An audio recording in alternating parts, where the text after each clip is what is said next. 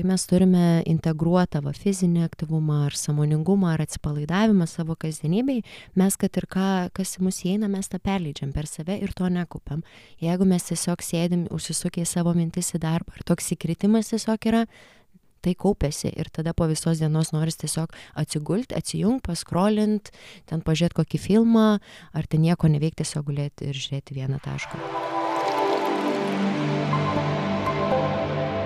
Kiekvienas specialistas yra tam tikros teorinės pakrypos atstovas ir ne vienas nesame pilnai apsaugotas nuo atstovaujamos pakrypos šališkumo. Vartojamos informacijos sintezė ir sąsajų ieškojimas su kitomis perspektyvomis yra raktas į holistišką požiūrį. Nesiūlome priimti vienos teorinės skripties kaip dogmos ar vienintelės tiesos. Kaip tik siūlome prisiminti, kad yra ne vienas veiksmingas analizės kampas. Teorinė kryptis tai yra perspektyva, kurios pagalba galime pažinti save ir savo psichiką praktiko atlikimas ar teorinės informacijos pritaikymas sau yra kiekvieno asmeninė atsakomybė išgyvenant psichikos negalavimus rekomenduojame kuo greičiau kreiptis į šios srities profesionalus nerekomenduojame to atidėti tik todėl kad kažką išgirdote šioje tinklalaidėje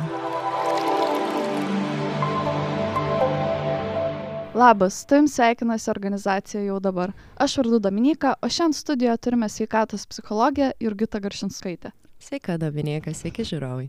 Labas, Jurgita, pasilgai mūsų. Labai, labai. Jurgita pas mus jau ne pirmą kartą, kaip ir minėjau, praeitose tinklalaidėse Jurgita taip pat su manim mokosi IBMT, tai integruotos kūno ir judesio terapijos institute.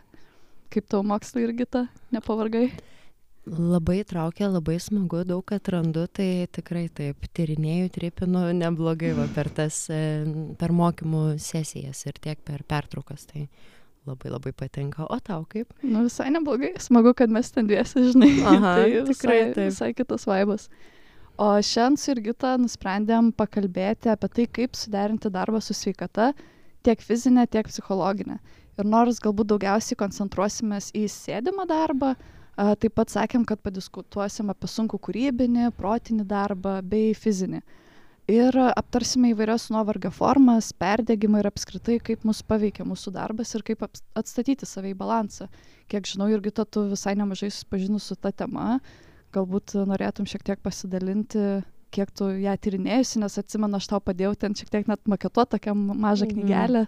Tai gal gali papasakot šiek tiek Taip, tai mano šiaip tie tyrinėjimai pradėjo, kai iš tokio aktyvaus darbo pakeičiau į sėdimą darbą e, savo nu, darbinę situaciją ir pradėjau stebėti pokyčius. Nu, Kūnės, e, savijautoje, nu, visai kitaip. Ir tada kaip tik sukrito, kad laimėjau tokį vieną projektą, kurį tenais mes, kurį rašiau ir po to ten komandą subūrėm e, tam projektui gyvendinti ir jis buvo kaip tik orientuotas į sėdimą darbą dirbančiųjų asmenų sveikatą, savijautą ir programos kūrimą, kaip galim mes padėti žmonėms save išaktyvinti, rasti tą balansą, kad tiesiog išvengtų įvairių sveikatos sunkumų. Tai ten du metus e, darėm, darėm, darėm, tyrinėjom, kūrėm ir tada galutinis rezultatas ir buvo tas leidinys, kurį tu man padėjai e, truputį irgi iš maketavimo pusės sužiūrėti. Tai irgi už tai esu dėkinga, tai nu va tokia pagrindinė patirtis. Mhm. Mhm. Iš tikrųjų, skamba labai daug du metai tyrinėjimo ir turbūt dar, dar ne, ne iki galo viską nesiaiškinai. Oi, per du metus, kad ir ką tyrinėtume, neįmanoma ištyrinėti. Tai taip, tai dabar va kitose formose ieškau, nes vis tiek to sėdimo daro pas mane kažkiek mažiau, bet yra vis tiek, tai ieškau labiau tos integracijos. Ir tada matysiu, kas sukris, nes kiti projektai truputį kitas temas, kiti dar, kitos darbo veiklos irgi yra su tuo susijusios, bet ne taip tiesiogiai. Tai tai žiūrėsiu, bet tema tikrai dominanti - sveikata ir darbas, nes darbę mes praleidžiam vis tiek, nu, du trešdalius savo gyvenimo laiko gal, nu, labai daug. Tai yra labai svarbu, kaip mes tame būnam, kokia aplinka mūsų supa, tai noris jos tokios palaikančios ir nu, efektyvios. Mhm. Tai gal tada šiek tiek pakalbam apie tą jau fizinę pusę, ne apie tą sėdimą darbą, po to tą psichologinę visą, visą, visus klodus tuos atidarysim. Tai kaip tik mes, kai rašėmės, parašė apie dabartinę sėdėjimo kultūrą. Ir man patiko ta tavo mintis, kad mes nu jau nuo mažens realiai tam esam pratinami. Gal gali šiek tiek daugiau apie tai papasakot? Mhm. Tai, nu, iš tikrųjų, nes kai, nu, va, taip prisimintume gal visi ir savo vaikystę, tai daug labai buvo tokio e, spėjų tyrinėjimo, ieškojimo, lakstymo, judrumo. Ir tada ateina mokykla Ir ką mums daro? Mes turime atsisėsti, mes turime tylėti, mes turime išmokti vietoj to, kad mąstytume. Ir iš esmės, jeigu atsistosi neatsiklausęs mokytojo, tai bus labai negerai. Tai nu mus labai kažkaip nuo mažens gan įsodina į va tą sėdėjimą ir tada natūralu, kad tai pradeda tapti norma. Tampa jau keista judėti. Dauguma, jeigu neturi kažkokio fizinio aktyvumo burelių, tai nu nebelabai tą kažkaip ir be benori daryt. Plius kūno kultūra kokia yra mokykloj tai irgi tai tiesiog labai tų veiksnių daug. O tada dauguma nueina į darbą jeigu dar ofisinis darbas tai dar labiau palaikoma ta sėdėjimo kultūra. Jeigu hobių nėra su tuo tai nu viskas užsidaro durys žmogus nebetiki kad jam tai yra sportą mato kaip kažkokį tokį rezultato siekimą ne tai kad tai tiesiog yra judėjimas instinktyvumas. Nu uždaro tą va tokį atskiria labai protą ir kūną iš esmės. Tikrai daug sėdėjimo ir nu ir kitos patirtys atskiria kūną nuo proto ir nebekyla tie natūralūs impulsai judėti. Mhm. Ir apskritai turbūt dar prisideda tas, žinai, priklauso, nu, kokį gyvenimo būdą tėvai gyvena. Mhm, tai. Nes aš atsimenu, jo, aš turėdavau ten klasiokių, kurios tikrai turėdavo burelių su daugiau fizinio aktyvumo ir panašiai, bet jų visų tėvai ten sportuodavo, ar ten, nežinau, savaitgaliais į tenisą veždavosi, arba patys yra kažkokie ten treneriai, žinai. Mhm. Bet, nu, mhm. daugumo, daugumos visiškai, visiškai taip nėra, žinai ir nu kaip ir iš esmės mokykla turėtų daryt tą tą edukacijos dalį ane kad išlygint kažkokias spragas kurių šeimoj negauna bet nu kūno kultūros pamokas pas mus tai tikrai būdavo ne kažką ir dabar iš esmės darbe visiškai nėra kažkokio to fizinio aktyvumo ypač jeigu kalbam apie ofisinius darbus ane tai mm. maks turbūt ką ką daro ofisuose tai duoda memberšipą į džimą žinai dovanų mm. Galbūt prie to vat, noriu tavęs ir paklausti, kuo yra blogai, žinai, sėdėti, daryti tą sėdimą darbą visą dieną ir tada nueiti džimą. Mhm. Tai iš esmės, aišku, tai nėra taip blogai, negu iš vis e, nenueiti e, kažkokią fizinio aktyvumą turėti, ar tai džimas būtų, ar tiesiog pasivaikščiojimas, ar kažkokia individuali veikla namuose, ar namų ruoša, nu vis tiek tai yra e, neblogai, bet jeigu mes ilgą laiką praleidžiam sėdėdami, mūsų visas kūnas iš esmės nu jis yra tam tikram sąstingi ir vienoj pozicijoje tai paveikia įvairias mūsų kūno sistemas. Labiausiai vis tiek per širdies kraujagyslių sistemą e, tada per mūsų virškinimą per kaulų raumenų sistemą čia irgi labai daug tokių tyrimų yra plius nuo ilgo sėdėjimo nes mes ne tik sėdim yra dar ir emociniai patyrimai tame darbe. Tai kai emocijos su sėdima pozicija susijungia prie ko mes prieinam, kad ta įtampa labai susikaupia kūne. Dažniausios įtampos vietos vis tiek yra labiau kaklas, trapecija, apatinė nugaros dalis viena yra įtampa, kita jau gali pereiti iki skausmo ir iš esmės nuo tų sunkumų įvairiom kryptim tada gali atsirasti. Tiek dėl sėdėjimo pačio, tiek dėl streso patirimo sėdint. Ir kadangi jis neišsijuda, su juo nėra sudėlinama, išbūnama, išdirbama, visa tai susikaupia ir nu, į kažką jį turi manifestuotis ir manifestuojasi lygas ir sutrikimus. Mhm. Ir tada pagalvoja žmogus, okei, okay, visą dieną sėdėjau, tai aš dabar einu, nubėgsiu 10 km. Mhm. Kas būna? Tai visai gera perkrova, bet iš esmės, nu, va, efektyviau yra daryti pertraukas, yra efektyviau būti dinaminiam sėdėjime pavyzdžiui ten pasėdim puslapį pusvalandį tada pusvalandį atsistoję padirbam tada pusvalandį gal ant kažkokio kamuolio e, pasėdim tada gal e, atsigulę kažką paskaitom jeigu galim atsitraukt nuo kompiuterio tada galbūt tenais e, dalyvaujam susitikime ir jame tuo pačiu dar judam ir mankštinamės. Ar su kamera ar be kameros ypač jeigu ten be kameros kaip būna dalyvauja arba tarkim ten nu aš visą laiką skatinu savo studentus kai irgi jiem ten paskaitas skaitau jeigu nuotoliu kad nu jie judėtų tame jeigu jie turi turi galimybę, tai kodėl gi ne, taigi vis tiek dauguma be kamerų sėdi, net ir auditorijoje, kad jeigu nori, galima keisti sėdimą poziciją, galima atsistoti. Man labai patinka su viena iš mano darbo vadovių. Mes visą laiką, jeigu susitinkam, tai ir apsitarėm, sėdim, stovim, tada būna, kad kažkuri pradeda tampytis, ta kita ir mes tiesiog šnekamės, taip abi tampydavomės. Tai, tai labai kažkaip taip, nu, smagu bet irgi prieinam, kiek tai yra normalu, o kiek tai yra nenormalu ir keista. Mhm.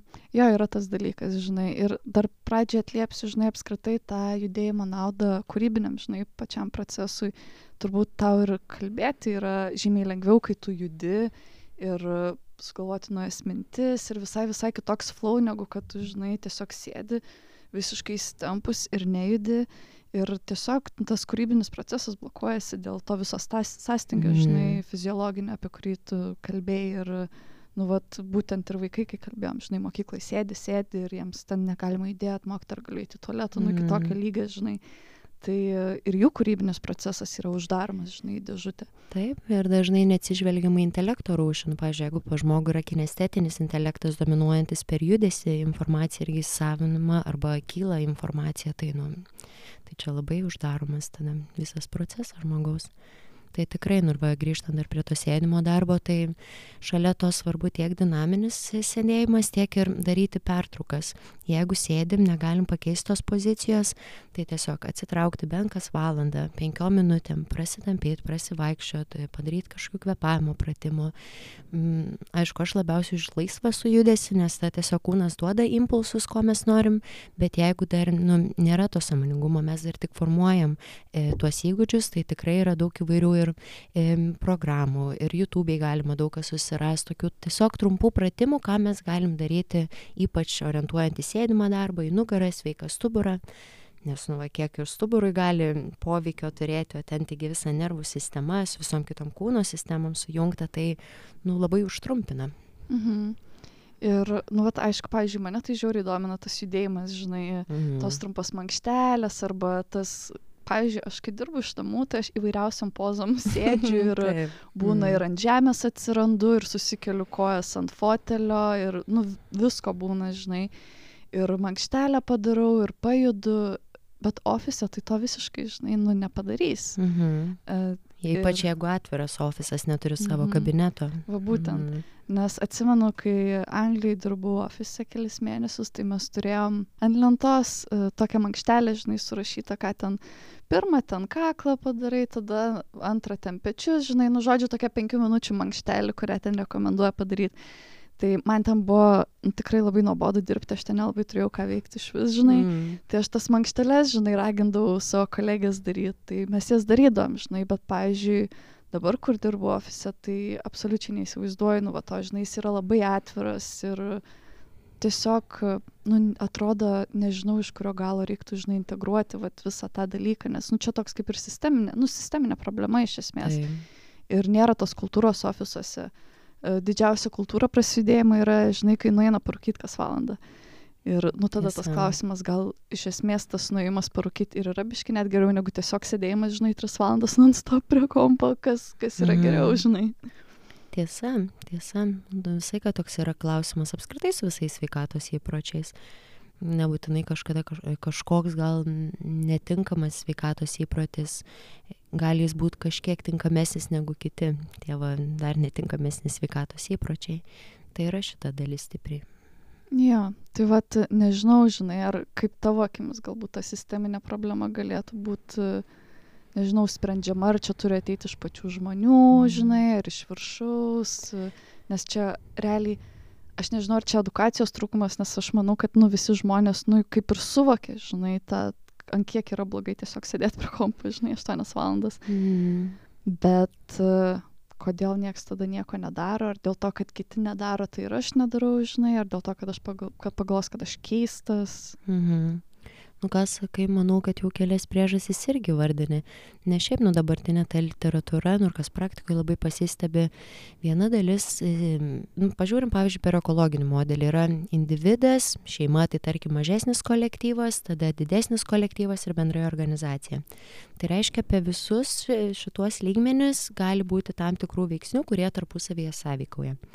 Tai jeigu mm, pradėt nuo tokio organizacinio didesnio lygmens yra labai svarbu kokia organizacijos kultūra. Ar ten yra apskritai šnekama apie sveikatos stiprinimą ar yra suteikiamos kažkokios priemonės stiprint savo sveikatą. Viena ten finansiniai apdovanojimai kita būna kur mankštas organizuoja tiesiog darbo vietoj darbuotojai gali prisijungti edukuoja pavyzdžiui būna net kad irgi kai kurie nu vadovai patys praveda arba ten per susirinkimą vis kiekvienas kolega skirtingas kas savaitę praveda kokių penkių minučių trumpą mankštą. Tai nu jeigu mes esam tokioj organizacijoj tai tada ir tam individo lygmeny mes prisitaikom prie socialinės normos. Yra normalu daryti taip tai aš irgi taip darau nebūtinai turiu motyvaciją tam daryt. Ir tada priešingai jeigu dažniau vis tiek individai tos motyvacijos neturi fiziniam aktyvumui. Ir mes, atrodo, vėl grįžtam prie mm, to suformavimo, kiek mes aplinkoje matėm, tarkim, savo šeimoje, kaip mes mokykloje tai matėm, į kokį darbą nuėjom. Dažnai, mm, nu, va, tas fizinis aktyvumas labai suvokiamas tiesiog kaip rezultato siekimas. Ir kai žmonės pradeda, labai orientuojasi į išvaizdą savo, ką kiti pagalvos, kažkokį lyginimąsi su kitais. Ir tai yra tiek išorinė motivacija, tiek neigiamas kūno vaizdinys labai svarbu žiūrėti per save, priimti save, lyginti su savimi ir kreipti dėmesį į savo funkcionalumo ir savijautos pokytį. Tarkim, pasėdėjau dvi valandas, prasėjau, prasitampiau, kaip jaučiuosi. O, geriau, galva šviesesnė. Mm, atsilaisino įtampa kažkur nugaroj. Tai yra esmė. Ne tai, kad, e, o, nenumečiau dar to kilogramą, kurį norėjau numesti. Tai nu, kažkaip trumpai dabar duodu atreaguoti ir tada natūraliai nueisim toliau šitą temą. Taip, tai aš visiškai tau pritariu, iš tikrųjų, apie ką, kas man kilo, žinai, kai kalbėjai, tai aš pradėjau galvoti apie tai, kaip svarbu yra skirtingas, žinai, tas fizinis aktyvumas. Tiek tas pasivaikščiojimas, galbūt aš renkuosi toliau mašiną pasistatyti ir kad ir penkiam minutėm daugiau paeiti kito darbo. Taip, čia vis tiek atrodo, čia yra niekas, bet vis tiek kūnas juda, kraujas teka, žinai, deguonies smegenys daugiau gauna ir nuo tokio mažo, mažo dalyko, mm. žinai, kiek, kiek svarbus, žinai, yra tas tampimasis, jėgos pratimai, kad ir kas, žinai, žmogui patinka, nebūtina tiesiog būti, žinai, kad, nu, vat, darau ten, nežinau, tik nueinu į džimą ir kilnoju svarmens ir daugiau nieko, žinai, ir toliau dirbu sėdimą darbą. Tiesiog gal daugiau make sense, žinai, atrasti tos, tos mažus gabaliukus, žinai, dienos įgoj kaip tas nuėjimas iki mašinos arba trys trumpos mankštos tarp mytų darbe, jeigu mm. dirbi iš mhm. namų, žinai, nu, va tokie va dalykai gal tikrai makes more sense, negu kad dar po to visą dieną gal, oi, man čia vakare reikia nueiti tą džymą, o aš ir taip pervargęs, nu, mm -hmm. tada jau toks kaip ir savęs žalojimas, jeigu tu pervargęs ir tada dar stumi save daugiau daryti, papildomai daugiau veiksmų, kas irgi doesn't make sense ir nėra labai gerai psichologiniai sveikatai. Mm -hmm. Būtent, ir va ką sakai, tokie du kampai kažkaip. Pirmas, atrodo, tada mes kaupiam ir nepraleidžiam pro save. Kai mes turime integruotą va, fizinį aktyvumą ar samoningumą ar atsipalaidavimą savo kasdienybei, mes, kad ir ką, kas į mus įeina, mes tą perleidžiam per save ir to nekaupiam. Jeigu mes tiesiog sėdim, užsisukę į savo mintis į darbą, ar toks įkritimas tiesiog yra, tai kaupiasi ir tada po visos dienos noris tiesiog atsigult, atsijungt, paskrolint, ten pažiūrėti kokį filmą, ar ten nieko neveikti, tiesiog gulėti ir žiūrėti vieną tašką. Nes tiesiog yra perkrūta sistema ir nu yra per daug. Daugumai tada nesinori ten gilintis save, nei ten žiūrėti, analizuoti ar dar kažką. Kita, ką sakai, irgi apie tai nu, labai gražiai nuomonės tampa su pasaulinės sveikatos organizacijos irgi rekomendacijom bendrai dauguma darbingo amžiaus žmonių nuo 18 iki 20, e, ui, 64 amžiaus metų yra rekomenduojama bent 300 minučių vidutinio fizinio aktyvumo per savaitę. Prieš metus pusantrų buvo dar tik 150, dabar jau tyrimai pagrindė ir parodė, kad reikia daugiau ir kas yra rekomenduojama skirtingose kategorijose truputį yra skirtumas, bet turi būti įvairių sveikatai svarbių fizinio ypatybių lavinimas. Negalime tik tai kažko vieno, va dabar tik tai ištverme e, lavinu arba tik balansą, nes nėra balanso tame. Ir tikrai efektyviau, nu, ką irgi tiem, tas mokslas rodo, kad turėt tiesiog trumpas e, pertraukas reikia ir to ilgalaikio kad nu nes vis tiek mūsų širdies dažnis kad pakistų nu neužteks penkių minučių dažniausiai kažkokio fizinio aktyvumo kad mūsų sistema įeitų į tą tokį sužadinimą jau. Bet nu va to labai skirtingo fizinio aktyvumo skirtingų formų ir tada kai mes tą turim kasdienybėje yra žymiai lengviau susirinkti tas minutes ir jos ateina natūraliai mes jau labiau galbūt pastebim e, savo kūno pojūčius va tą patį ir parodė ir mūsų programa kurią mes ten kūrėm kad iš esmės dalyviai po to turėjo didesnį kūno sąmoningumą o jeigu turi kūno sąmoningumą yra lengviau pastebėt kur čia man įtampa, kur čia man nemalonu, atitinkamai pagal tai ir darau kažkokią veiklą. Tarkim, jeigu man piktą, tikėtina, eisiu į boksą ir išdaužysiu viską. Jeigu man ten e, įtampa, galbūt aš ten išsitemsiu ir kvepuosiu. Tiesiog priklausomai nuo to, ar galim pasirinkti. Mhm. Jo, iš tikrųjų, nu realiai, jeigu padalini tuos 300, nėra čia taip žiauriai, žinai, ne. nėra daug. Jeigu Bet jeigu į vakarą. Tik, taip, jeigu sudėti tik į vakarą, tai tada baisu. Bet jeigu įskaičiuoji, žinai, tą nuėjimą į darbą, žinai, pareimą kokį, žinai, taip. ilgesnį, ne minutės iki mašinos. Taip, taip. Tai visai visai kita situacija su ta integracija ir gaunasi. Būtent ir šalia to tada galima pasirinkt kažkokias kelias specifines veiklas kurias integruojam į savo rutiną tai nežinau pavyzdžiui ten pirmadienį trečiadienį būtent einu į kažkokią treniruotę ar ten savarankiškai darau kur jau mano ištvermę. Grynai lavina nes tai yra specifinė savybė. Tas pats irgi labai daug dabar tyrimų yra ir net ir Lietuvoje jau žmonės pradeda daryti tai labai šaunu 50 plus žmonėm. E, labai yra efektyvu ištvermės su svoriais dirbti, nes kaulų raumenų sistemai toks geras pasipriešinimas, dar su gravitacija ten yra tokių pratimų visokių, kad iš esmės labai fizinis pajėgumas pagerėja ir emocinė savėjauta. Tai O ką labiau rekomenduoja jaunikliams, jauniems žmonėms? E, jaunikliam e, visumą. Visumą, nes tikrai rodo, mhm. kad yra svarbi irgi ištvermė, nu, kaip dauguma žmonių pamiršta ištvermę lavint, tai vien tik, tarkim, ten tampytis tai nėra efektyvų, toks lengvas fizinis aktyvumas arba vidutinis fizinis aktyvumas, mums reikia ir to stipraus fizinio aktyvumo. Kaip atskirti? Vidutinis fizinis aktyvumas yra kai mes kažką darom ir iš esmės mūsų kvėpavimas paintensyvėja bet mes galim be trūkčiojimų kažkokių šnekėt. O jau stiprus fizinis aktyvumas mūsų kvėpavimas jau yra žymiai intensyvesnis ir kvėpuoti taip lengvai nebeišeina. Jau ne šnekėti lengvai taip nebeišeina mes trūkčiojam ir pagal tą, nu, tokį vieną iš bazinių tokių dalykų lengvų atskirti, be širdies dažnių, be viso šito, e, nu, va to reikia. Ir net ir 300 minučių tas skaidant, tai yra maždaug per pusę mums to reikia. Reikia mhm. lengvo ir reikia to tokio jau intensyvaus. Mhm. Nu, tai aišku, ir nesvarbu, ką darai, svarbiausia, kad patiktų. Nu, nes iš... Esmė. Tipo, tada Esmė. didesnis šansas, kad darysi iš vis, žinai. Taip ir čia tikrai mm, daugumai nu svarbu tyrinėti ir įvairias tas formas pasibandyti kad atrasti kas yra tavo kas tinkama tau. Nes vienam ten patiks labai ten slidinėti kitam labai patiks šokti trečiam patiks ten jogą daryti ketvirtam patiks į kalnus kopti. Nu tai normalu. Ir irgi kažką tikėtina tai pasako apie mūsų vidų arba poreikį bet mm. atrask kas tau tai tikrai taip ko mes nemėgstam nenorim mes to ir vengiam. O kas mum patinka kelia malonumą mes ten ir nu einam ten ir įsitraukiam. Jo tiesa. Dabar pakalbėjom apie tą fizinę pusę. Man labai žinai ką apie ką knieti pakalbėt? Apie darbą iš namų. Nes mm. nuo visų tų koronų ir panašiai mes sėdėjom namuose ir labai daug ofisų persikėlė į namus ir iki dabar tikrai labai daug žmonių dirba iš namų. Mm tai e, šiek tiek ir apie tą fizinę pusę dabar pašnekėjom, bet vat, ką duoda psichologiniai sveikatai tas darbas iš namų, ypač tų žmonių, kurie full time, žinai, dirba. Nes e, būna aš, tarkim, vat po mūsų mokymo, aš ten kokią vieną dieną padirbu iš namų, nes būna mm -hmm. too much tiesiog visko. Tai. Bet aš jau kitą dieną būnu tokia, man jau reikia į ofisą, mm -hmm. man jau čia jau too much yra, man, man reikia žmonių tai vat man net sunku pagalvot kaip kaip kaip žmonės ištveria ištisas savaites žinai Tiesa, ir manau yra skirtumas tarp e, labiau į ekstraversiją ir introversiją e, linkusių žmonių, nes vis tiek ekstravertai labiau savo energiją atstato būdami ryšyje su kitais, introvertai labiau ryšyje su savim ir savo vidiniais procesais. Tai tikėtina kitaip ir paveiks darbas iš namų labiau į ekstraversiją ir introversiją linkusi žmogų bet bet kuriuo atveju nu svarbus balansas tas asmeninis mūsų ir jį suprasti koks yra mano balansas tarp buvimo su savim ir buvimo su kitais.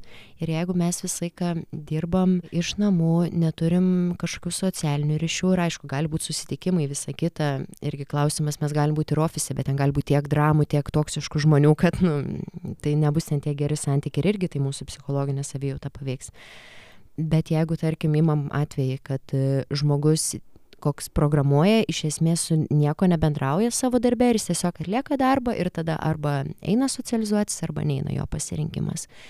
Tai izolacija, nu jinai nėra mums naudinga. Jinai vienišumo jausmas, jisai labai pablogina mūsų ne tik savijautą, bet ir fizinę sveikatą. Mes esame socialūs, socialios būtybės, socialūs gyvūnai ir mums tas žmogiškas kontaktas tinkamas, saugus, tikslingas, priemantis ir visoks kitoks jis yra reikalingas. Jo, bet sakau, nu, va tie irgi veiksniai, nu, mes galim būti tarp žmonių, bet jie bus tokie, ne, kad nu, mus irgi labai stipriai paveiks ir tai nebus jokios naudos, kad mes tiesiog tarp žmonių esam. Mhm. Mm, tai aišku, visada yra tas, tas toks dedamasis, bet uh, iš tikrųjų, o vad ką, pavyzdžiui, daryti, jeigu iš tikrųjų darbė yra toksiška aplinka ir yra tokia situacija, kad žmogus tiesiog negali, žinai, išeiti iš darbo, kaip laikyti, pavyzdžiui, tas vidinės ribas kažkokias. Yra tas turbūt variantas jo, nebendrauti, tiesiog ateiti, dirbti savo darbą, mm. bet čia mhm. gaunas irgi tokia kaip izolacija. Nu, lyg dirbčiau iš namų, bet dirbu iš darbo, kuriam man nepatinka būti dėl žmonių, bet e, čia dar blogesnė izolacija gaunasi, nes būti vienišam tarp žmonių, bent jau man, tai čia tikrai žymiai blogiau negu būti vienam. Mhm. Vienišam, žinai.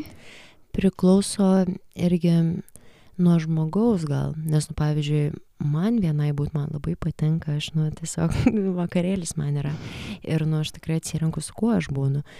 Bet e, šalia to, jeigu yra tokia aplinka ir tikrai žmogus negali išeiti, man atrodo, čia yra didesnis veiksnys įstrigimo jausmas ir beviltiškumas lydintis visą tai, kad tu žinai, kad tu esi antiek kažkokio iššūdų krovoja aplink save ir tu neturi jokios galios tai pakeisti, visi normalizuoja tokį elgesį, nieks nesupranta, kad tai nėra ok. Tai nu labai daug beviltiškumo, o beviltiškumas pavojingas, jis dažnai į suicidiškumą nueina. Tai man atrodo, kad čia šitas yra svarbiau. O priklausomai nuo žmogaus, nes tikrai atsitrauk nuo to, ignoruot kažkaip, nu tai yra efektyviau negu bandyti būti santykis su tokiais žmonėmis, nes jie vis tiek kažkaip nusuks apie save darys, nu, visokias tokias situacijas ir dažniau vis tiek, kas yra toksiška, daug ir ten manipulacijų ir viso kito, ir tam tikrų asmenybės tipažų, tai čia jau gal nenerkim labai giliai, bet jo, nes nušoksim į kitą temą, mm -hmm. bet tikrai kiek išeina kaupti vidinius resursus, kad išeiti iš tokios situacijos. Nes dažniausiai atrodo, ir ypač jeigu stresą mes patiriam didelio, jeigu dar traumos, tai ten dar kiti reagavimai, įsijungia tunelio mąstymas, mes matom tik tą. Ir tarkim, gali matyti išdis, aš negaliu išeiti, nors galbūt gali žmogus išeiti. Tai labiau ieškoti vidinių resursų, kaip atsitraukti nuo tokios situacijos, kreiptis pagalbos, jeigu sunku kreiptis pagalbos, bent nueit pas psichologą išdrįsti, kad nu, išmokt kreiptis pagalbos, apdirbti visą poveikį tokios aplinkos ir tiesiog nueiti vietą, kurioje bus saugiau, ramiau ir galėsim patenkinti savo poreikius. Mhm. Skamba, skamba tikslingai. Ačiū. Ir dabar, kai kalbėjom apie izolaciją, galvoju, turiu tokią vieną draugę, kurios darbas yra žiauriai social. Mhm. Tai jinai dirba ten su pristatymais, su visokiais susitikimais, ten pastoviai komandiruotės ir pastoviai turi, žinai, kalbėti su žmonėm, pristatinėti. Nu ten aš kaip, aš gal, aš numirčiau, mhm. aš tikrai net laikyčiau. Vat kaip tokiems žmonėms. Bet iš tikrųjų ir terapeutams yra ši problema, nes jie irgi visada būna su žmogum, su žmogum ir tada grįžta namo ir galbūt dar ir namie yra žmogus, su kuriuo ir norėtųsi bendrauti, bet gal net nebėra jėgų. Uh, nu, vat, kaip, kaip tokiu atveju, kaip išlaikyti tas ribas, žinai, kaip surinkti save po, po darbo su žmonėm. Mhm. Svarbu laikyti ribas darbe su žmonėm ir tarpuose E, tarp to darbo su žmonėm pasidaryti pertraukas. Nes, nu, kaip pagalvoju, pavyzdžiui, ir mano darbė iš esmės, ypač dabar jau kažkaip nutolu aš nuo to e, pilnai tokio per kompiuterį darbo. Tai gaunas ir e, ryšiai su klientais, su studentais, mokymų visokie vedimai, komandiruotis tos pačios išvykos, nu tai yra gan nemažai tų žmonių. Ir man, pavyzdžiui, yra, nu vis tiek yra žymiai įdomiau ir smagiau man tas gyvas kontaktas, mane nuotolinis kažkiek gal labiau išvarginant, tai čia irgi toks va, pastebėti, kas yra žmogui tinkamiau. Ir yra labai svarbu laikyti ribas, kad e, kai mes tame būnam, nes kai mes laikom ribas, mum yra ramu, iš esmės kai mūsų ribas vis mindžioja, tada gaunasi papildomos emocijos, ar ten nerimas, ar skausmas, ar pyktis, e, įvairiausios tos e, emocinės reakcijos gali kilti. Bet iš esmės visų pirma laikyti ribas su žmonėm, o tada turėti pertraukas tarp darbo su žmonėm. Ir tuo pačiu atsakyti savo į klausimą, kiek mums tas yra darbas, nes, nu, pavyzdžiui, pagalvoju, nu, man darbas su klientais, tai nu, jis manęs nevargina, kai mes turim nu, kokybiškus pokalbius, mes giliai įneriam, išneriam, nu man kaip tik yra toksai, nu, įkvėpimas, man tai daug duoda tokios ir, nu, kažkokia tokia meilės jausmo, nu, tikrai labai taip, man gera tame būti. Bet jeigu pas mane eitų vienas po kito be jokių pertraukėlių, tai natūralu, aš neturėčiau erdvės ir laiko su savim pabūti, su savo patyrimu, praleisti viską, nesukaupti, tada jau būtų problema, man pradėtų kauptis. Bet jeigu, nu, yra, tai tada, nu, kaip ir viskas tvarkoja. Mhm. Tai nežinau, kokios tau mintis kyla girdėti šį atsakymą. Nu, aš tai tikrai gerai, gerai tave suprantu ir, ir jaučiu, bet e, atrodo vis tiek aš kartais, kai įsivaizduoju, žinai, tiesiog turbūt, kaip ir sakėjai, priklauso, ar žmogus labiau ekstravertas ar introvertas, yra dar tas momentas, žinai, nes kartais, kai aš pagalvoju, kokį kiekį kai kurie žmonės, žinai, patiria to mhm. darbą su žmonėm, be jokių, žinai, pertraukų, atrodo net uh, stengiantis kažkaip viską su, surinkti mm. būtų, nu, vos ne neįmanoma, žinai, sveikai kažkaip išgyventi. E, taip, ir labai gal svarbu, kokį darbą su žmonėmis dirbam, nes vienu, nu, pavyzdžiui, ką aš, nu, va, tu pasakai pavyzdį, tada aš irgi, nu, į savo gan panašus yra. Kita, jeigu mes kalbam klientų aptarnavimas, ten skambučių centras Dieve. koks nors, arba um, klientų aptarnavimas tiesiogiai, parduotuviai, kaviniai, arba klube, dar kur nors. Mhm, taip, taip, kur tu turi ten viską siūlint, ten yra visiškai kitas niuansas, tai labai yra. Ir dauguma žmonių jie dirba tą, nes neturi pasirinkimo. Mažai yra žmonių, kuriuos tikrai traukia ta darbo vieta. Tikrai yra, tikrai ir pažįstu, kuriam va, iš tų išvardintų pavyzdžių, jiem, nu, va, jiem ir va tai, jų tai aistra. Bet dažnesniu atveju tai yra tiesiog dėl to, kad nėra kito pasirinkimo ir vis tiek tas beviltiškumas jisai kaupėsi žmoguje. Mm. Jo, aš atsimenu, kai aš visą laiką mokiausi Anglijoje, aš e, padavėjai, žinai, dirbau. Ir ten, kai ateini, nu, matai mano. Aha, mačiau, mačiau. tai ten, kai ateini, žinai, penktą ir nuo penkių iki kokios dvyliktos, žinai, nakties tiesiog su žmonėm non-stop ir net nėra laiko tos pertraukos, žinai, ten nueini į tualetą minutį. Mm. Ir žinai, tas toks, kur atsirami į krauklę, žiūri į veidį ir toks, nu gerai, ir tada eini, žinai, mhm. atgal. Tai, nu, nu, vat nežinau, žinai, čia vėl turbūt ta sisteminė problema ateina, bet ar, ar įmanoma apskritai, vat, to, tokiais atvejais kažkaip, žinai, apsidėliot, pasaugot, žinai, save, tas ribas. Mes sakėm, dar, dar norėsim ir aptarti ir psichologinį įvairų smurtą darbę, mm -hmm. žinai, neapkalbėtą. Tai. Bet jo pradedam žinai nuo to kad nu riba tarp žmogaus ir tarp žmonių žinai ir ir kaip mes tame jaučiamės bet apskritai būna įvairūs žinai tie nuovargiai tas nuovargis nuo žmonių tada protinis nuovargis mm tada mhm. kūrybinio darbo nuovargis mm fizinis nuovargis taip, taip. ir kuo jie skiriasi žinai ir kaip galbūt galima naudot vieną kad pakeist kitu žinai nes žinau, kad skamba kreis, bet išklausyk mane.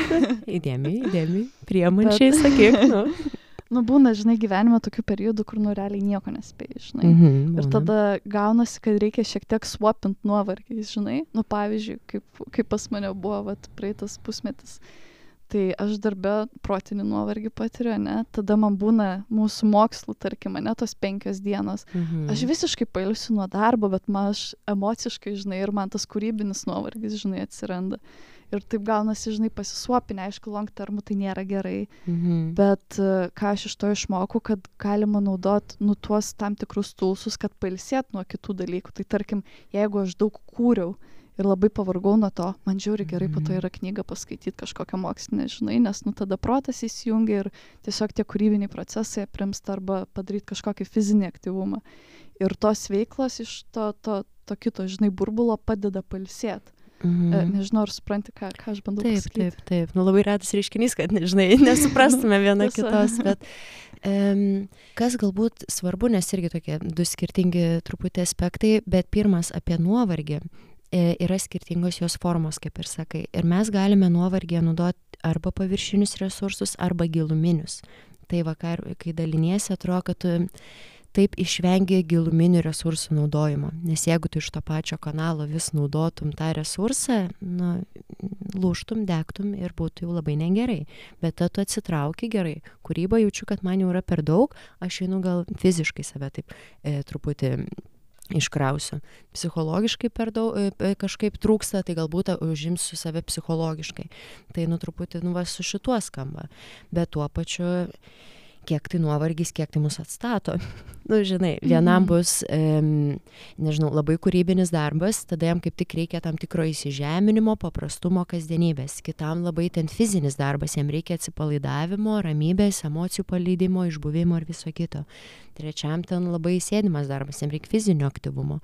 Kitam protinis darbas, jam reikia tokio atsitraukimo ir tiesiog kūrybinės veiklos tai nu var tas gaunas kokiam ko kur aš esu ir kas yra mano ta priešingybė tam tikra nors nu kokia čia priešingybė bet lengviau taip sustruktūruot ir Mhm. suprast tai tada to mum dažniausiai reikia kaip tos atsvaros nes kitaip tos svarstyklės į kažkurią vieną pusę taip ir nueina Mhm. Jo, iš tikrųjų, jo, iš tikrųjų. Mhm, tą jo, jo, ką aha. Aš gražiau. nu, kaip visada, žinai.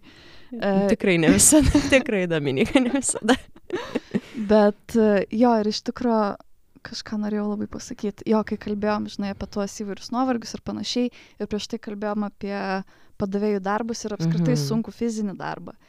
E, tai gal galim šiek tiek paliesti, nu, vat, kaip žmonėms tvarkytis su, su sunkiu fiziniu darbu, galbūt ir su tam tikrais fiziniais, žinai, skausmais, Mhm. koks e, yra būtent psichikos, žinai, kaip, kaip žmogui su savo psichika tvarkytis mm. tada, Mhm. nes ne visi žmonės yra, e, kai kuriems yra lengva pakelti fizinį skausmą, bet sunku emocinį ir atvirkščiai, žinai. Taip, taip, taip.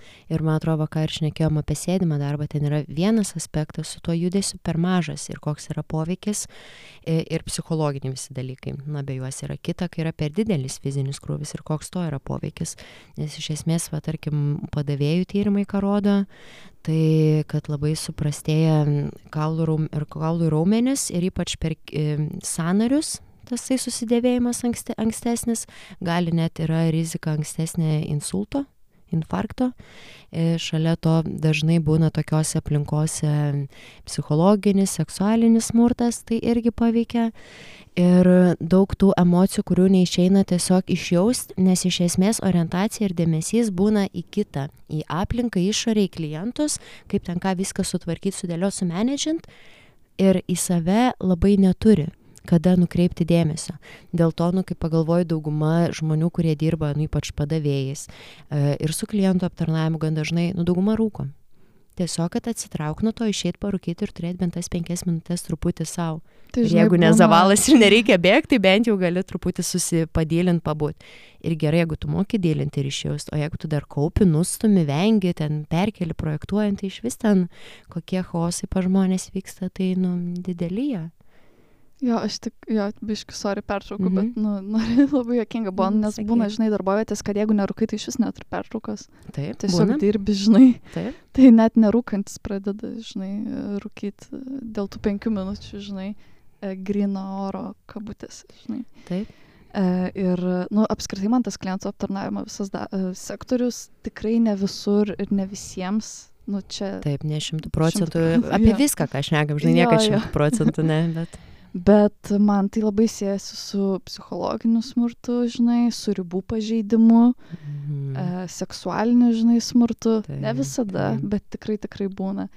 Ir, e, pavyzdžiui, žiūrint į, į padavėjų darbus, ane, nu, tai ten realiai paauglės dirba. Labai dažnai Mhm. būna 17-18 metų merginos, žinai, ir, Arba ir- jaunos studentės irgi, kur ten Taip. iki 25 maksimum. ir, žinai, kur tu klientui negali nieko atsakyti, negali savo ribų. Gal tas žmogus dar net nemoka tos, jie 18 metų, kas, kas, mo, kas jie mokė, žinai, savo ribą atstovėti, žinai. Mm. šitoj visuomeniai, ypač kokiai Lietuvoje, žinai, nu, aš tikrai yra visokių žmonių, bet supranti, ką tu Taip, dar yra vyrų moterų dinamikos ir visuomenės formavimas. e, Taip, Ir e, kiek, pavyzdžiui, gal tu nori pats minėjai man apie tą hierarchiją prieš, prieš mums mhm. Mhm. pasijungiant kalbėti. taip, nes e, šiaip bendrai, kur yra hierarchija, ten labai galima pamatyti žmogų. nu, iš tikro. Jeigu žmogus yra aukštesniai hierarchijoje, tai nu pasimato, ar jisai yra iš tikrųjų, ten nežinau, priemantis, nuoširdus, jam noris pasirūpinti kitais, kažkaip atsižvelgti ir jisai lygiavertiškai matys su pagarba kitą žmogų, ar priešingai, jisai jį kažkaip nužemins, numenkins, save bandys iškelti, įrodyti ten kažkokį teisingumą savo, parodyti savo didybę.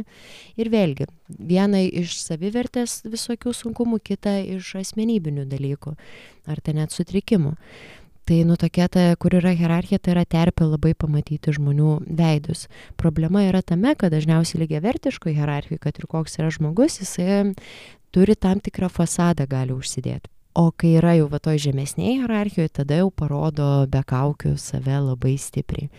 Tai tokių pavyzdžių nu tikrai yra daug ir stiprių. Nu ir aš kai pagalvoju ir savo patirčių nu vis tiek vieną, nu, kaip padavėja sudirbus, tikrai būdavo, nu, žinai, man kažkaip, kad klientai kažko man mėgintų, ne, žodžiais taip, bet aš kažkaip atsišaudydavau, mane, žinai, nu, taip erzindavo tikrai, tai aš taip tokia būdavau, kad, da, tai čia man padraganėk, žinai, nu, taip, aš irgi atgal, nu, man tikrai vienodai būdavo, labai toksai įsijungdavo, bet jeigu, tarkim, vadovai, kai kurie būdavo, nu, kad kažką bandydavo, nu, truputį jų sunkiau pasakyti, žinai, truputį sunkiau save atstovėti Tai nėra kam sakyti, tu vadovai Taip. nesakysi, nesiskusi vadovui, būtent. kad vadovas kažkada. Būtent, būtent, būtent. Ir man kažkaip, nu gerai, tos patirtis aš kaip ir paleidau, žinai, nu vis tiek, jeigu aš ten kažką pastebiu, aš dažniausiai vardinu, žinai, nu va, jeigu tokioje aplinkoje klientų aptarnavime, ten parduotuvėse visose, nu jeigu aš kažką tokio pastebiu, kad klientai kažkaip bando žeminti darbuotoją, ar kažkas ten valytoja kokią, nu aš tą atstovį ir įvardinu. Bet sakau, nu, nu šlykštu man žinai nes va irgi vieną pavyzdį papasakosiu. Čia nesakysiu kieno dabar ne esmė bet vienas toks klubas ten daug jie metų ir buvo kaip tik renginys ir gavos kad aš pasilikau nes ten vienas didžėjus mane užkalbino su draugėm ir mes ten pasilikom pašnekėt pabūt. Ateina valytoja apsiverkus visa. Aš tokia okei nesuprantu kas vyksta ir jinai pradeda šnekėt.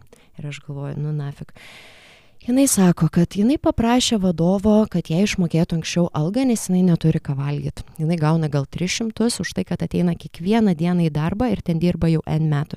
Ir jai vadovas atsakė gimtadienis šventė visa ką. Kam tu valgyt ir taip tu stora? Ir man tiesiog suparalyžavo. Aš tokia galvoju nu nemalonu buvo. Ir tada žinai kur tu matai žmogų jam yra skaudu jisai nežino kaip iš to išeit jis vis tiek tenais dirbs.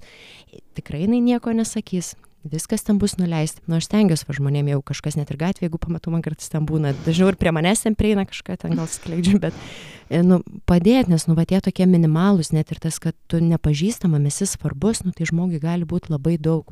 Tas pats jeigu ten kažkokį ten apgini ten kasininką tai nu matai kad jam ar jai tai yra nu tikrai svarbu žinai ir jisai pats negali to padaryt tuo metu neturi gal resursų bijo plius smurto nu jeigu yra toj smurtinėj aplinkoj žmogus nuolatos ir tai yra normalizuojama tai kaip jo smegenis paveikia yra visi ten stokholmo sindromai ir taip toliau nu ten šakės kokie kiti mechanizmai įsijungia ir yra normalu kad žmogus bijo atsistot yra normalu kad žmogus bijo sakyt. Tai yra nu normalu nes tai yra smurto poveikis. Tokia jau tema. Mm. ne žinok tikrai labai kažkaip palietė, ką dalinaisi. E, ir pilna tokių situacijų, žinai, čia tikrai nėra vienetinė, mes galim norėti tikėti, kad čia vienetinė situacija, bet... E, Būtume dėlių, žinau. Jo, manau, didesnis šansas, kad tai vyksta dažnai ir stipriai ir daug kur, žinai. Mm. Ir aš tikiu ir noriu tikėti, kad, žinai, ta jaunesnioji karta turi daugiau parako, žinai, savyje atsikirsti ir pasakyti ir atstovėti kažkokią ribą, uh, bet turbūt ta vyresnė karta, nu, žinai, jie, jie taip, tie, taip auginti, žinai, nu, tau sako hierarchija viskas, tu neturi žodžio. Mano dar ten mama kartais nustemba, kaip aš ten pasakoju, kaip mes ten darbę, pavyzdžiui, su savo vadovais draugiškai sutarėm ir koks ten visai kitoks vaibas, nu, jai tiesiog nesukompiutina, žinai, -hmm. galvoj, kaip taip gali būti, kad tos hierarchijos praktiškai, nu, nu nelabai net jaučiasi, žinai. Ir uh, kaip ir minėjai, nu jo ten visai jau kiti mechanizmai, žinai, ir iš tikrųjų jie labai giliai kerta. E, nes pavyzdžiui, aš, nu, tikrai atsimtam, kur dirbau padavėjai Anglijoje, nu, man matai net, esi pavasarį. Kyla, ne, kūno reakcijas. Nu, ten, mm. Jo, žinai, man, aš iki dabar dar kartais, žinai, sapnuoju, tipo tą restiką ir kaip aš ten praeinu šoną. Taigi, sveiki, kad... asmenybė. Arba kai man reikia, žinai, tenais grįžti, nu, tikrai labai giliai ir aš dažnai galvoju, nu, Mhm. kodėl tipo taip giliai gali toks, čia tik darbas, bet čia nėra tik Ne. darbas, nes čia visiškai susijęs su visišku, iš- nu, su absoliučiu iš- išgyvenimu, žinai, su tais baziniais poreikiais. Ir kas susijęs su išgyvenimu labiausiai ir įsirėžia, žinai, mūsų psichiką. Taip. Kaip, aš- kaip aš savo paaiškinau. Tai. Ir pavyzdžiui, man labai tie visi tokie smurto patyrimai kerta per žmogiškumą. Nu, to žinai, nes nuo aš toj perspektyvoje esu, kad iš esmės žmonės visi yra geri, jie tiesą sako, nuo širdus atviri ir taip toliau. Ir tokai supranti, ant kiek ne. Ant kiek ne, ant kiek žmogui gali būti normalu prieš kažką smurtauti, jam gera gali būti nuo to, kad jis prieš kažką sportauja, jam gera save išsikelkite, nužeminti nu, man toks apie žmogiškumą labai kerta. Nu tai kas čia per visuomenę, kas čia per žmonės, kas, kas čia vyksta. Nu, la, nu labai toksai žiauriai.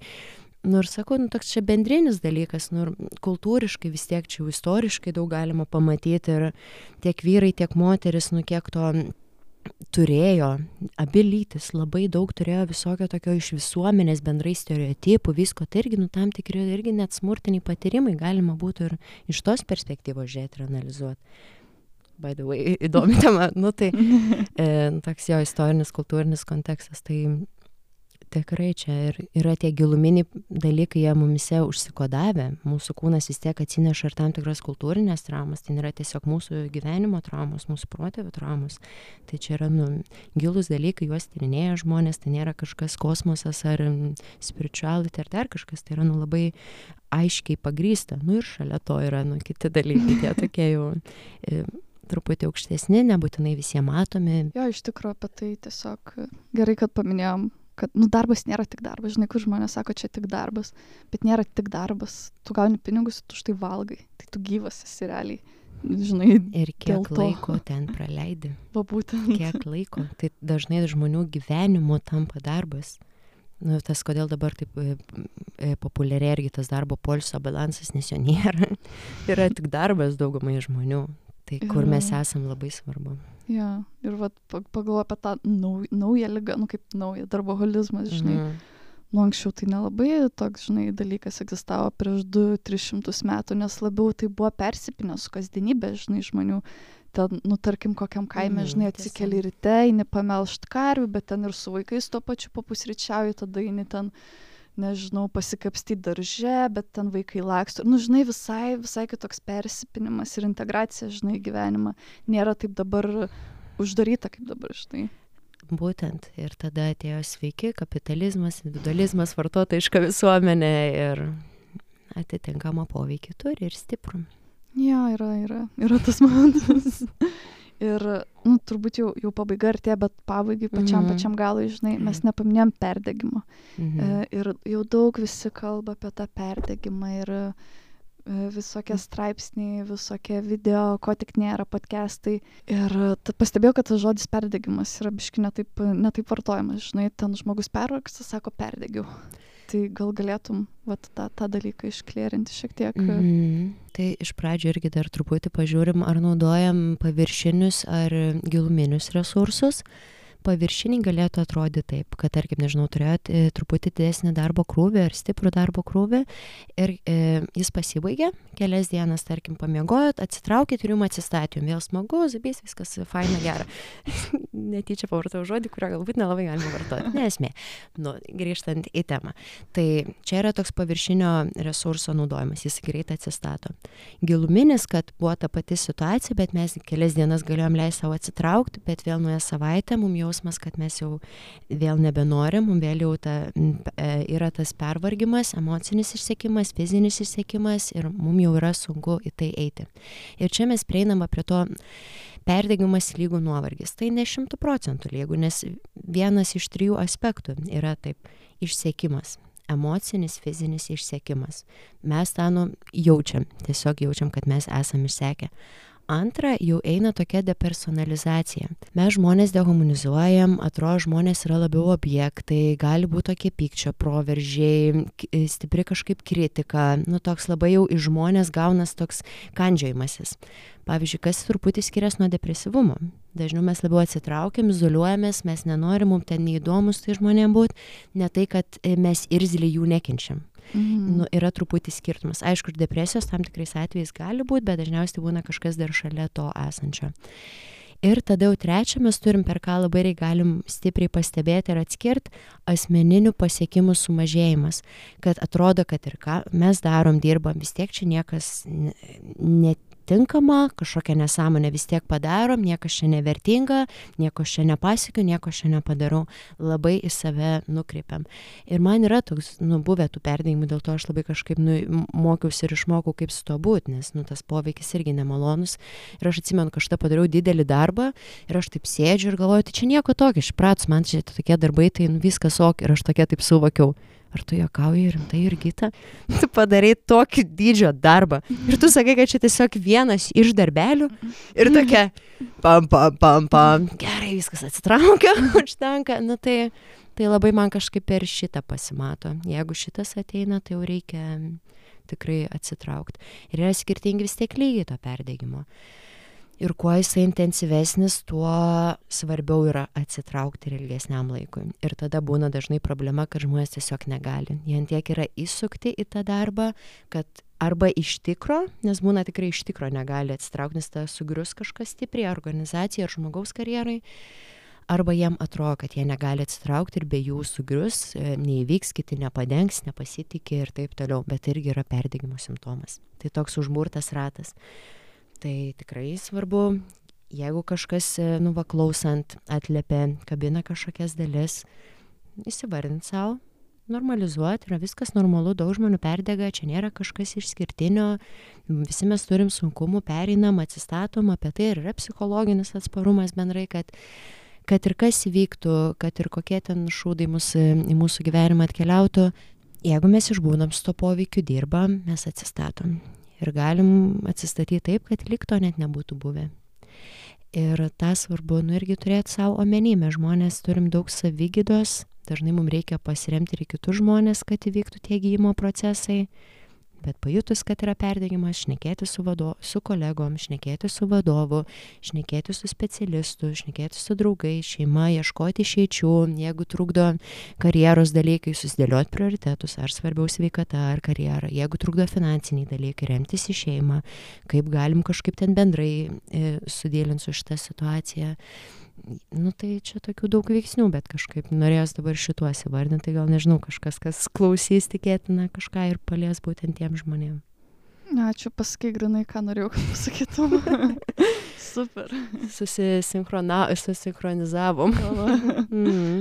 Tai manau, lyg ir viską visai neblogai aptarėm. Čia jau toks kaip ir palinkėjimas buvo, bet jei nori, gali dar porą žodžių tarti, ar kažkokį palinkėjimą, ar dar kažkokią gal mintis plaukio neišsakytą mm. prieš galą su tuo darbu dažnai žmonės būna ne ten, kurie norėtų būti. Ir tai irgi yra šalia didelis sunkumas. Tai aš kažkaip gal noriu palinkėti, kad pavyks atrasti tai, kas jūs iš tikro traukia, dėl ko jūs degat, kas jums kelia malonumą, įkvepia, įtraukia, taip labai nuoširdžiai. Ir kad tai nu, bus toksai jūsų širdžiai mielas darbas. Ir šalia to, kad jeigu yra kažkokių vidinių veiksnių, kurie apsunkina būvį apskritai gyvenime, tai išsispręsit ir galų galę atrasit savo tą vidinį balansą. Tiek santykiai su savim, tiek santykiai su aplinka, tiek santykiai su darbu, tiek santykiai su viskuo kitu. Tai gal to kažkaip palinkėčiau šį kartą. Labai gražiai. Ačiū tau irgi tą eilinį kartą, kad atvykai pas mus ne paskutinis tikrai tikiuosi ir manau. Ačiū Dominika, kad pakvietėjai, tikrai malonu visada pašnekėti, pabūti kartu. Tai ačiū už tai. Ačiū tau ir taip pat klausytojams ačiū uždėmesį. Nepamirškite sekti mūsų Facebook, Instagram bei TikTok platformose. Jeigu norite mus paremti, tai padaryti galite Contribui platformoje. Dar kartą ačiū ir iki kito karto. Iki.